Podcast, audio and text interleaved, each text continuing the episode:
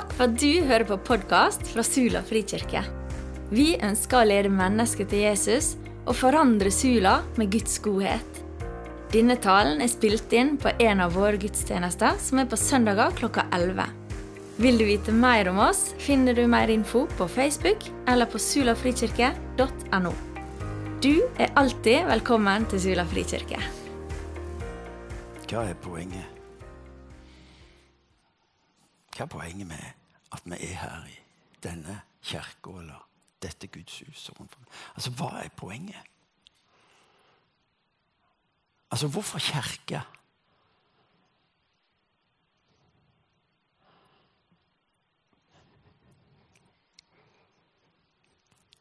Hvorfor kirke?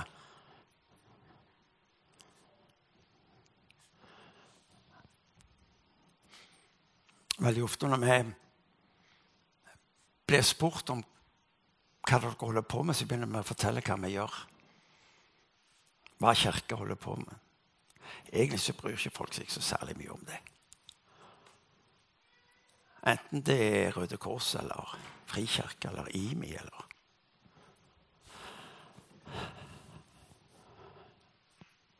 Der folk på et vis prøver å få tak i hva, hva er kirka, så gir det på et vis ingen mening med den overordna målsettingen.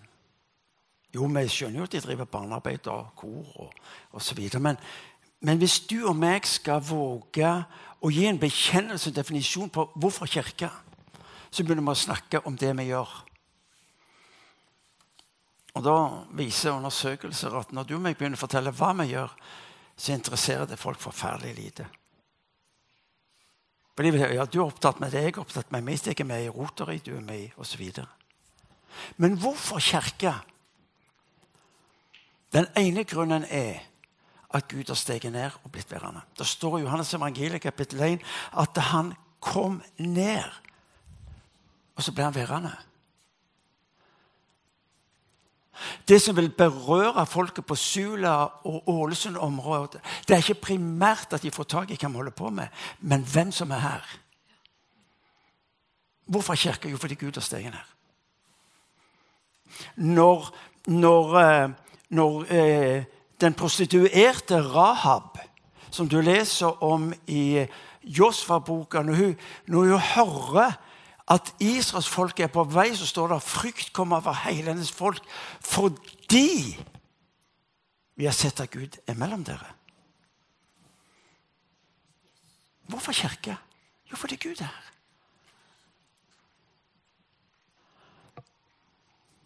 Jeg kunne lyst på å si Skal se det her borte og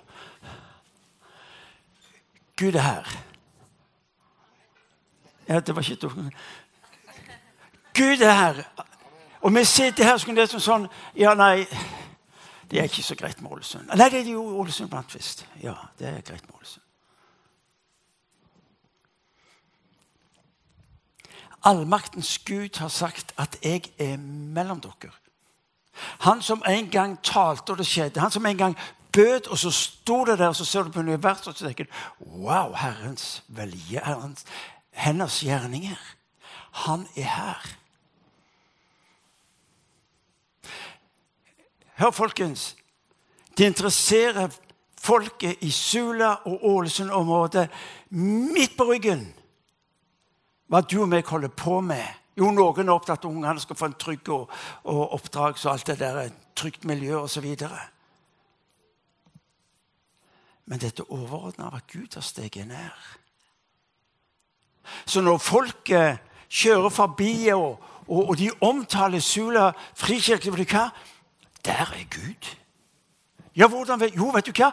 Der, der ber de for syke, og så blir de friske. Der opplever folk at Gud taler inn i livet de som har avgjørende betydning for valg og vandring. Gud er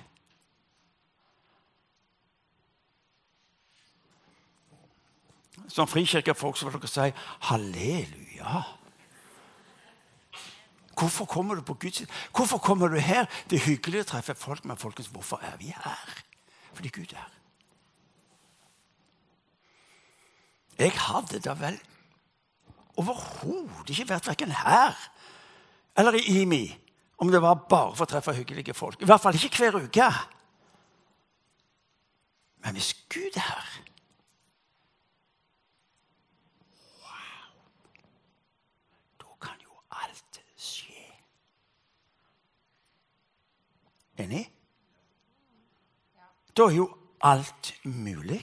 Så Dette visste dere, men jeg tenkte en liten sånn Gud er her fordi han har lovt å være der. Og Gud snakker sant. Han kan ikke si én ting i dag og en annen ting i morgen. Han sier 'jeg er der'. For å gi dere alt som mitt rike representerer i denne verden. Ja. Hvis dere syns at det jeg sier, høres noenlunde tilnærmet riktig kan dere nikke. Bare så mye at jeg skjønner at jeg har kontakt med dere. Dere er enda roligere enn forsamlingen hjemme. Og den er rolig, skal jeg fortelle dere. Ja. Hvorfor kirke? Fordi Gud er her. Hvorfor går du i kirke? Fordi Gud er der. Ja, hvorfor? Fordi Gud er der. Du har ett svar fordi Gud er der. Fordi Gud er der. Halleluja. Halleluja heter det forresten i vår kultur. For hver måte på. Men den andre begrunnelsen for kirka, det er jo at når han har plassert hele sitt rike mellom oss, så er det jo for at det skal ha betydning for mennesker rundt oss. Når, når Israels folke blir ført ut av Egypten så var jo ikke poenget primært å få dem ut av Egypten, men det var jo å få dem inn i det lovede land.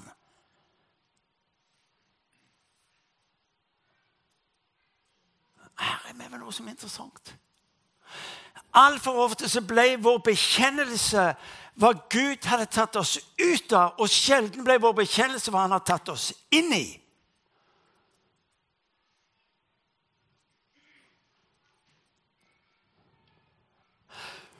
Jesu primære eh, fokus når han dør på korset, var jo ikke primært å ta dine synder, men å rydde vekk det som hindra deg å bli en del av det han hadde for deg i sitt rike.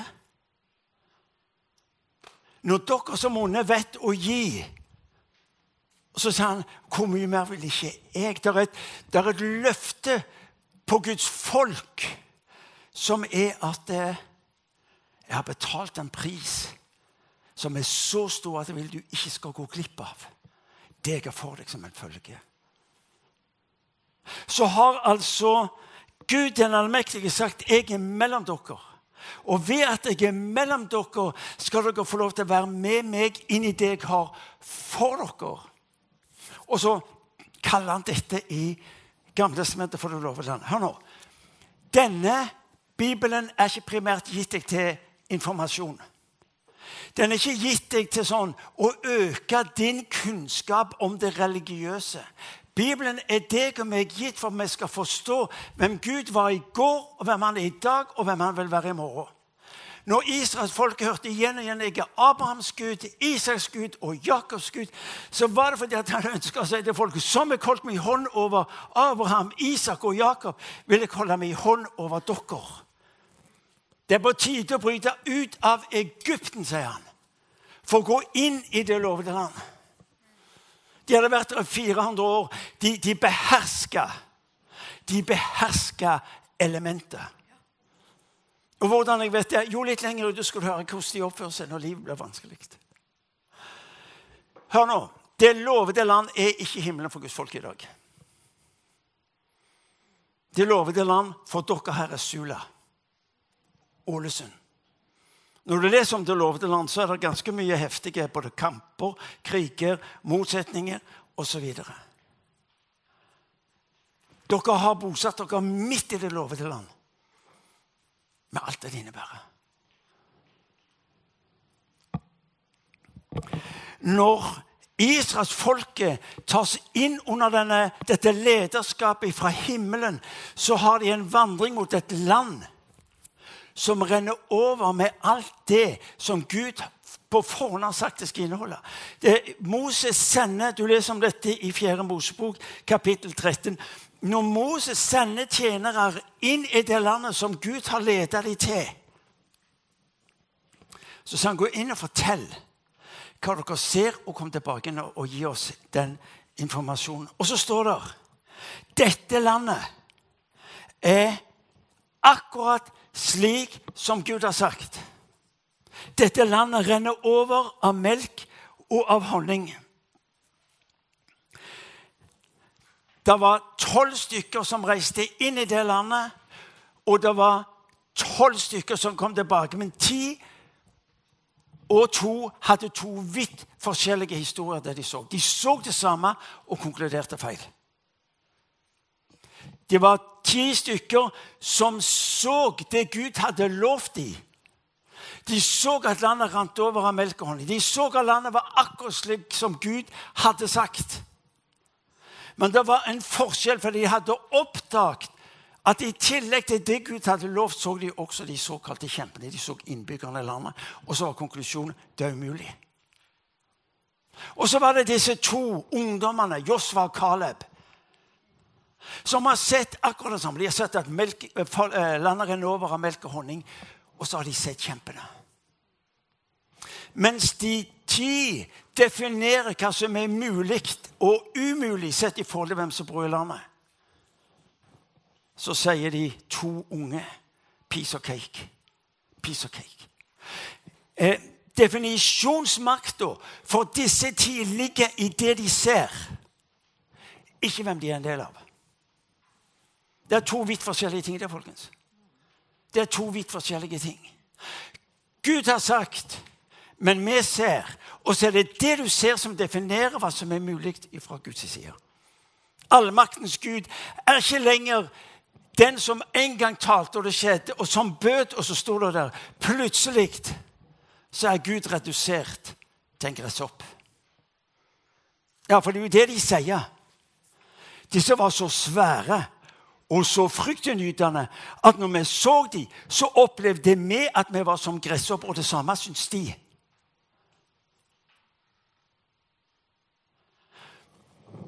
Jeg har av og til tenkt på det der. Hvorfor har så mange av de som står utenfor dette samfunnet, livssamfunnet med Kristus, så på et vis ikke syns det er interessant å gå i kirke? Jeg snakker med noen av dem, og jeg husker flere av de sier ja, men jeg, jeg syns jo dere er gysla rare. Litt sånn type portlitter, som de sier på Jæren. Litt sånn. Ja, det er litt sånn religiøst, men det har egentlig aldri tiltrukket meg. Det er sånn. Det er en sånn type gresshoppekompleks. Ja, hva vil de si, og hva tør vi, og hva tør vi ikke? Nå skal du høre. Holdningen som de utenfor kirkehuset har fått av kirka, som går der, er det vi som har gitt dem. Dønn ærlig. Dønn ærlig. Ja, der ligger det et ansvar på deg og meg. Hva slags bilde ønsker jeg at de skal ha av Kristus? Det bildet vi har av denne menigheten. Når jeg kommer inn i dette huset Dette er min andre gang, min andre tur her. Og jeg fascineres av tilbedelsen dere og bønnen dere har. Det er noe imellom dere som jeg tenker Wow! Dette er bra. Dere er i bevegelse, bokstavelig talt, mot de folka som bor i dette landet. Men i denne tida må dere gjøre som de to eh, speiderne gjorde. Istedenfor å se på folk og det som var rundt dem, og definere livet ut ifra hva som var mulig der, så de på han som hadde sendt dem. Hør nå. Du og meg kan definere hva som er mulig ved å se på omgivelsene. Det er ingenting i denne Bibelen tar utgangspunkt på hva som er mulig ved å definere ut ifra omgivelsene. Det er ingenting, Hvis du ser på Jesu liv i evangelieberetningene, så tok han disiplene kontinuerlig ut i situasjoner som hvis de skulle ha definert hva som er mulig, så hadde sagt Jesus, wake up.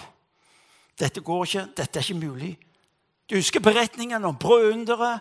Du husker stormen. Du husker Peter som skulle fiske. Lukas evangeliet kapittel 5. Kom an, wake up. For Gud har ikke utgangspunkt i omstendighetene. Han tar utgangspunkt i hvem han sjøl er. Og når han tar utgangspunkt i hvem han sjøl er, så har han samtidig gitt deg og meg en identitet om hvem vi er.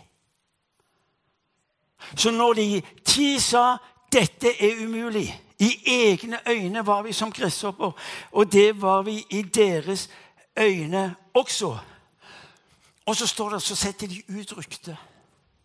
Og så skjer det dramatiske mens de er der og har den vanskelige situasjonen. Så sier de vet du hva, vi velger nytt lederskap. Vi kaster ledelsen, og så drar vi tilbake igjen til Egypten.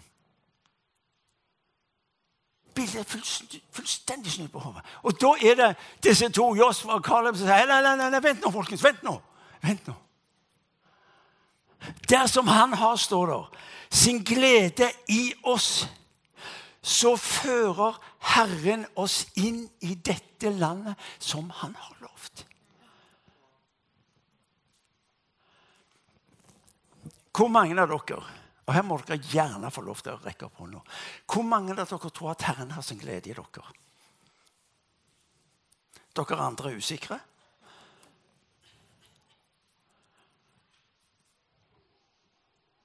Herren har sin glede i dere. Ved det skal også deres lovede land bli berørt av at jeg er nær, og at jeg har mer. Et land som flyter over melk og honning. Gjør, står der, bare ikke opprør mot Herren. Dere skal ikke være redde for folket i landet. Det er bare en brødbit for oss. Hør nå. Å gjøre opprør mot Herren betyr ikke nødvendigvis at du rekker sverd imot han. Opprør mot Herren at du lar være å gjøre det han sier du skal gjøre. Ja, det er litt røft. Ja, det er litt sånn, litt sånn rett på sak. Opprør går ikke på at jeg sier nei, la bare være.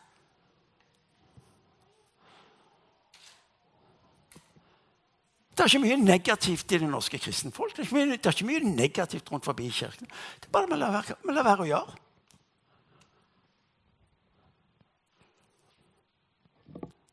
Omtrent litt sånn. Dere skal ikke være redde for landet, folk i landet. Hør nå. Mens de ti fortalte at vi er jo som gresshopper sammenligna med Wow, dette er svære greier. Mens Josfa og Caleb de sier dette her piece of cake. Eller brødbit, heter det på norsk. De er jo bare som en brødbit for oss. Hvilket utgangspunkt? De har akkurat det samme utgangspunktet. Men de har totalt forskjellig forståelse av hvem de er. For mens de ti første definerer hva som er mulig ut ifra hva de ser, så definerer Josfa og Caleb ut ifra hvem de er. Hvis Gud tar omsorg for Min identitet er i Han som velger å være vår Gud. Og for deg og meg velger å få lov til å være hans barn. Et land som flyter over av melkeordning. Det alvorlige i denne historien det er at de mista det Gud hadde for dem. Med konsekvens for hele det lovede land. Det er alvor for deg og meg. Folkens, Vi må våge å møte det alvoret. De mista det. Jeg har møtt mennesker som mista det Gud hadde for dem fordi de lot være å handle på det Gud tok dem inn i.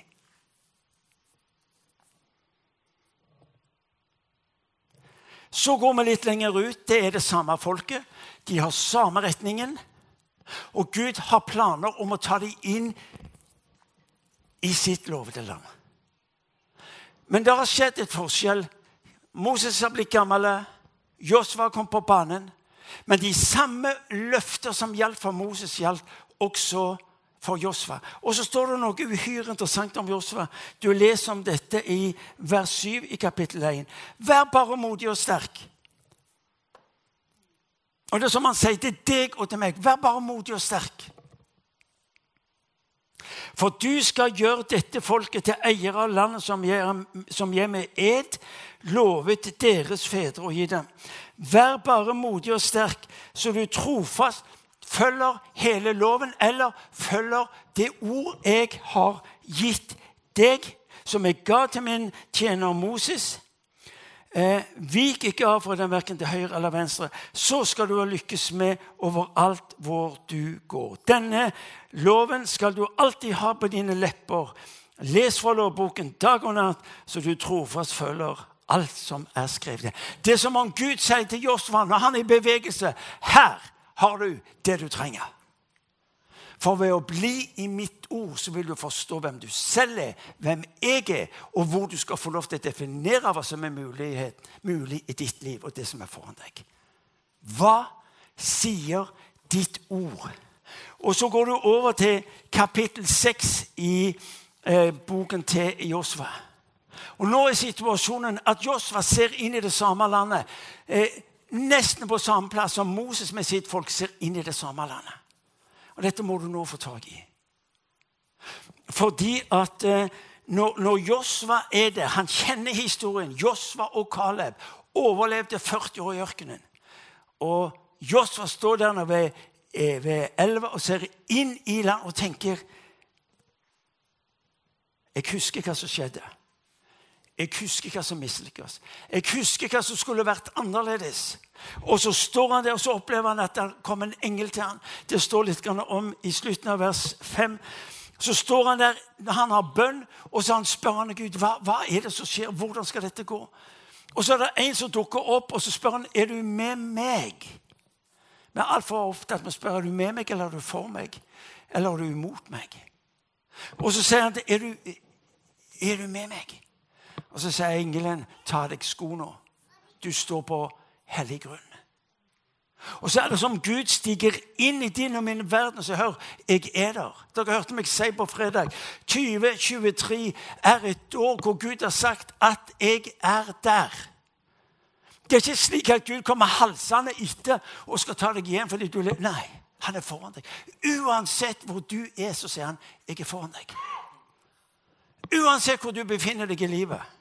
Dere hørte meg si at Gud er ikke en som trekker seg vekk fra ditt liv om du skulle gjøre ting som var annerledes. Fordi han elsker deg for mye. Det står i Romerbrevet kapittel 8 at ingenting kan skille deg fra min kjærlighet. Han er der. Ja, men jeg har ikke levd riktig. Ja, men det er ikke farlig for han. Han ser deg, han vet hvor du er, han er der. Når du begynner med dine regnestykker om hva som holder mål og ikke holder mål, så vet du hva, slutt med regnestykkene dine. For ikke la dine regnestykker definere hvem jeg er, og hvor jeg vil være i forhold til ditt liv. Han er der. Han er der. Når du og meg tørner eh, årsskiftet, så sier han jeg er der, og jeg er klar. Jeg er klar.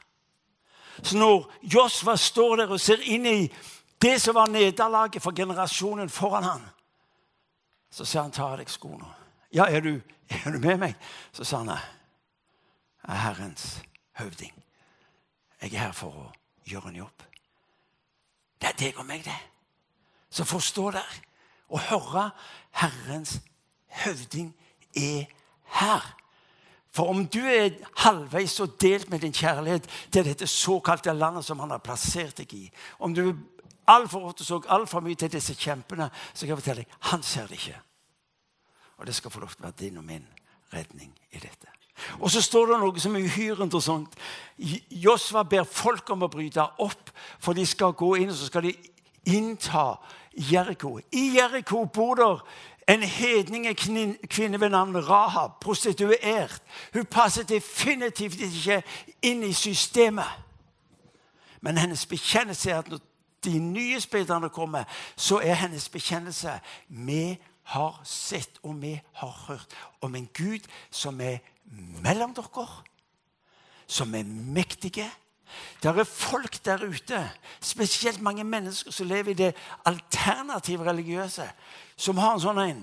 De har bilder av Gud som er sanne og troverdige. Det er mennesker som ikke går i våre kirker eller bedehus, som har en bekjennelse at hvis det skal gå bra i dette landet, så må, så må vi få tak i det som har med Gud å gjøre. Når, når, når gamle onkel Thor på slutten av sitt liv, som ikke hadde noe med verken Jesus eller kirke å gjøre, så sa han Martin det går til Ja, hva sier du nå? Nei, det, det går til helvete med hele greia. Så sier jeg hva, hva, hva mener du nå, da? Ja, Se hva som skjer i landet vårt. Ja, hva mener du? Ja, nei, hvis, hvis, hvis, det ikke skjer en forandring, ja, hva, ja, hva mener du? Hva, hva, er det som skal skje? Ja, de må få tak i det som står i Det som står i boka. Så tenkte jeg står i boka. Ikke går du i kirke eller bedehus og du leser i hvert fall ikke Bibelen. Ja, hva mener du må skje? Hvis landet vårt skal berges, så må de få tak i det som står i boka. Ja, hva mener du? Jeg tenkte ikke tale om Du skal ikke slippe unna. Ja, hva mener du? Folk må få tak i det som står i Bibelen, Martin. Noen måneder før han døde, sa Martin jeg har, jeg har vært til nattverd og fått lov til å ta imot det som Jesus rekker meg. Det er et folk i Sula og Ålesund og omheng som har en bekjennelse at folket må få tak i det som står i boka. Hør nå. Vi må ikke se på omgivelsene som fiender, som motstandere, som motarbeider vi holder på med. Det er noe som er lagt ned i mennesket om å få lov til å komme hjem. Mo, Josva ser hva som ligger foran ham, og så gjør han noe som er ualminnelig interessant. Og det er at han sender igjen folket inn i det lovland. Ikke bare eh, speidere, men han sender hele folket inn. Og det er interessant, for hva er det han gjør for noe? Han sender de inn med en klar beskjed. Dere skal gå rundt bymuren én gang. Første dagen, én gang, andre dagen, én gang, tredje dagen, og siste dagen skal dere gå syv ganger. Det, det, er et stykke det, det, er nesten som å gå til fjellet her og litt innover. Uten ski. Hver dag. Se det for deg. Se for deg situasjonen. At der er det altså et folk som har begynt på en vandring. Men det er et annerledes folk. Et folk som har lært en Gud som var trofast mot dem. Som ikke kasta vrak på Guds velsignelse mot dem. Og så er det et folk som plutselig er gitt det de trenger på en ny måte, det de skal få lov til å bety dette lovede landet en gang rundt. Og du og meg ville ha tenkt ja, ja, det der var vel greit nok. Det var ikke problematisk. Og jeg skal fortelle deg det. At hvis en stor gruppe mennesker skal gå sammen et sted, og ingen får lov til å stå der De får ikke lov til å snakke med hverandre. Gud er strateg, og han er intelligent, han skjønner hvis folk surrer rundt der og ikke har, får lov til å snakke om det de opplever, ja, så, så stopper det opp. Første dagen kommer tilbake til campen ok, skjedde det noe. Det skjedde ingenting. Murene er akkurat de samme. Andre dagen gikk de igjen rundt uh, Jeriko-mur, og igjen så er spørsmålet skjedde det skjedde ingenting. Tredje dagen går de igjen rundt muren og kommer tilbake igjen til campen om kvelden og spør ja, hva, hva skjedde. Så dere antydning til Ingenting. Ved Guds nåde hadde de fått beskjed om ikke å si noe. For Hvis de hadde fått lov til å si noe, så hadde de utlyst allmannamøte. Da hadde de sagt vet du hva, time out. Dette er jo helt på trynet. Det skjer jo ingenting. Det skjer jo ingenting. Vi må finne fram til alternative løsninger. Ja, det er min fantasi. Men de fikk ikke si noe. Men så skjer dette som vi kjenner fra historien, hvordan de er lydige mot det ordet Gud har gitt inn imellom dem, om at de skal fortsette en vandring. Og så blir de surrende rundt dette, denne byen meningsløst. Det er altfor mange av Guds folk som opplever at de holder på en type meningsløst. For det, det, fører jo ikke til noe. Det skaper jo ikke noe. De gikk rundt der én gang hver dag, for så siste dag å gå syk. Og så lyder det fra folket ved at Josfa sier på siste dagen så skal dere rope proklamere hvem Javé er, Jehova er. Og så skal murene falle. Og du meg ville ha sagt Vel visste jeg at du var rar. Men hvis du tror at vi ved å gå rundt den muren x antall ganger, for så på slutten å proklamere et eller annet, at da skal det falle Du har misforstått. Det må, det må litt mer sprengstoff til enn det der. Du kan definere ut ifra fornuften, eller du kan la troen defineres ut ifra hvem han er. Det er to forskjellige ting. Spørsmål hva er ditt Jeriko? Hva er det du opplever denne her umuligheten med tanke på å skulle få lov til å innta ditt lovede land? Gud har et lovede land for hver enkelt av oss. Og takk fordi at han ikke sendte de inn enkeltvis som spillere, han sendte de inn som folk. Ja. Nå skal du høre noe uhyre interessant. Hvor, hvor mange av dere har hørt om Ingebretsen? Ingebretsen gutta. Hvem er det som er best i verden på 1500 meter? Denne guttungen Jakob. Jakob. Josva og Caleb. Det, du, hva er forklaringen på at de er blitt så gode? Ja, er det i super? Nei, ikke det. De er høyst ordinære som kommer fra dette putlete stedet Sandnes forbi Stavanger. Ja, Det er nesten som Nasaret. Jeg, kan det komme noe godt ifra, fra Sandnes-utgavene? hva?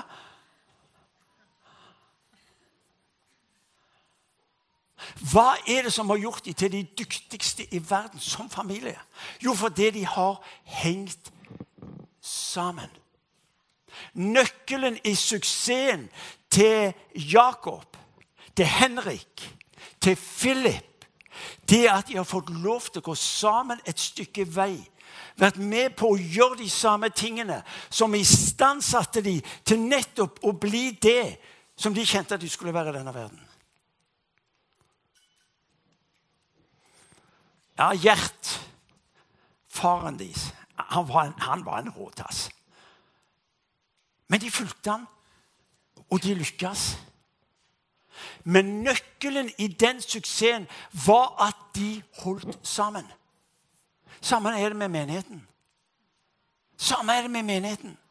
Når vi som menighet holder sammen og har et felles mål så har, Det betyr ikke at vi skal alle gjøre det samme, men felles mål betyr at dette lovede landet deres skal berøres på en sånn måte at folk sier Wow, hva er det som skjer med disse folka i Sula frikirke?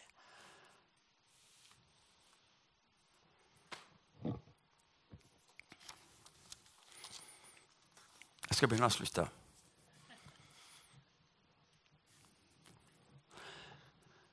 Dere lever midt i det lovede land.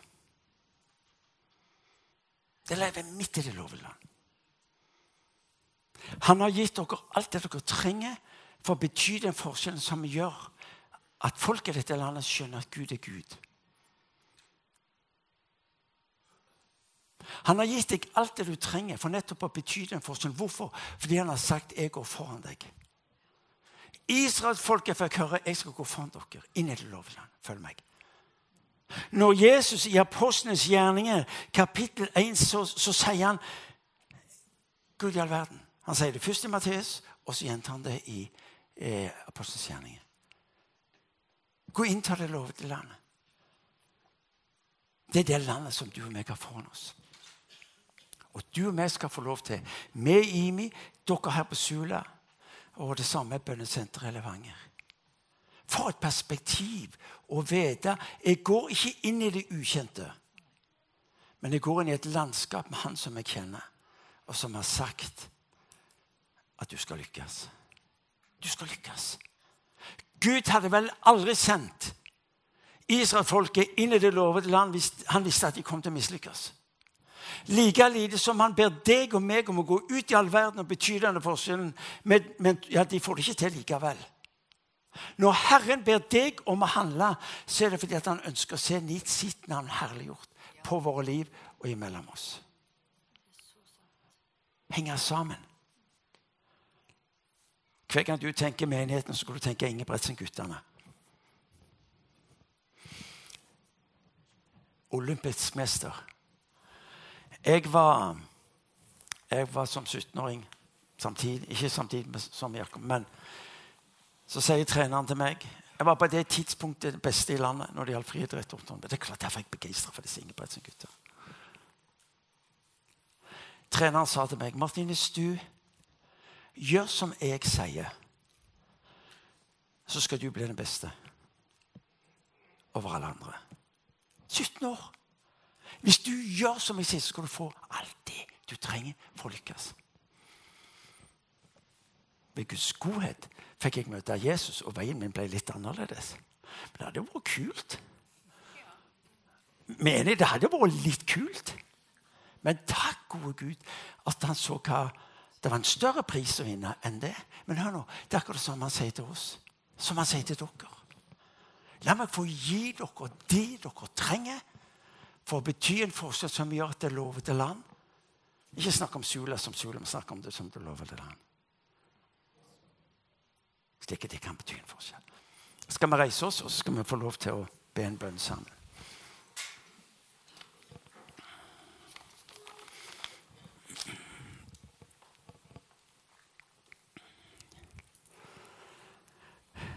Eh, kan jeg få lov til å utfordre dere? Vi kan alle ha våre sånn preferanser. Det, det, er dette som er viktig for meg. Det er dette, det er dette vi må gjøre noe med i menigheten. Men akkurat nå tenker jeg, la det ligge, hva du tenker må være det viktige.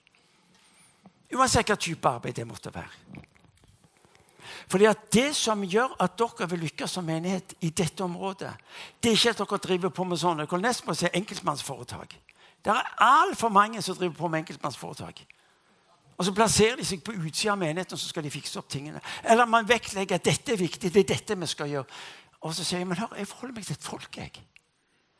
Gud forholder seg til et folk som våger å være en del av det han gjør inn i denne verden. Og så skal du og jeg få lov til å være der sammen. Og det eneste han egentlig koker dette ned til, det er å, når han utfordrer, utfordrer deg og meg til å si 'velg meg'. Velg å gå med meg, med mitt folk. Med mitt folk. Guds svar på denne verden er sitt folk, sin menighet.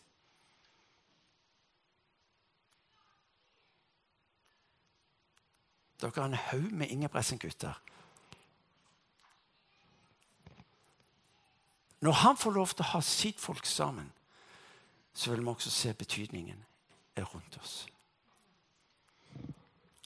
Så jeg skal be en kort bønn, og så kan jeg tenke rett og slett til å be deg om å innvie deg med, med begynnelsen av et år hvor du skal få lov til å innvie deg til, ikke primært for en tjeneste, men sammen med et folk. Gå inn i det lovede på en måte som denne verden ikke har opplevd før. Ja, Så kan det være barnearbeid for deg, skal være ungdomsarbeid for deg, og veiledning og bønn hele greia. Men hvis vi ikke går som folk, så er det bare et tidsspørsmål før det dør ut. Dette er fantastisk løfterikt og vanvittig spennende. Når vi vet hva slags løfter han har på sitt folk. Så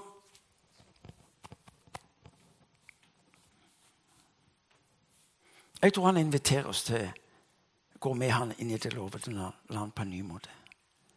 Og så skal du og vi få lov til å være lydige mot det han viser oss hva det blir. Og så skal dere be om at lederskapet skal få visdom og innsikt til å gå den veien. Og så er dere lydige mot lederskapet. Så Først ber jeg en bønn, og så skal dere få en utfordring. Herre, vi takker deg fordi du tar oss inn i det som er ved deg. Du dør for oss på korset. Du bærer bort våre synder. Du står opp, Herre, til vår rettferdighet.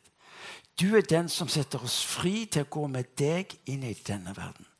Og nå ber vi, Far, dette ubegripelige at du som har steget ned mellom oss som enighet, Herre, du er også den samme Gud som tar oss inn i ditt lovede land. Og Nå ber jeg for om at hver enkelt i dette huset, dette rommet, skal få lov til å få se hen til deg og vite, Herre, at du, Gud, du har, du har omsorg. Du har en kjærlighet til ditt folk for ved det å berøre mennesker i dette landet. Så nå, far, ber vi, la oss som folk få lov til å gå sammen med deg, og så se, Herre, ditt rike berører mennesker. Hans invitasjon til deg og til meg igjen og igjen er følg meg. Kristendom er i essens etterfølgelse av denne Kristus. Og én ting kan jeg si deg. Han er definitivt der ute og ber deg og meg om å gå med han. Så der du står, kan jeg bare Legg hånda di på hjertet. Jeg har sagt det før denne helga. Hjertet i denne konteksten betyr det som er bevegelsessenteret i livet ditt. Legg hånda på hjertet. Og så vil jeg utfordre deg til å se, Herre Jeg fornyer, Herre, mitt løfte til deg. Jeg fornyer, Herre, min bekjennelse av at jeg vil være din etterfølger.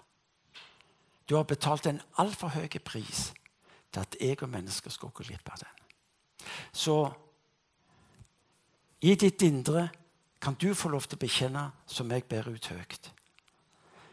Herre, du min Herre og Gud, frelser og evige Far. For jeg vil på ny bekjenne at jeg vil følge deg, og jeg vil innvie meg, Herre, til å gå med deg og ditt folk inn i dette vårt lovede land, slik at denne verden kan erfare at du er Gud, og at du er god. Lovet være du. Amen.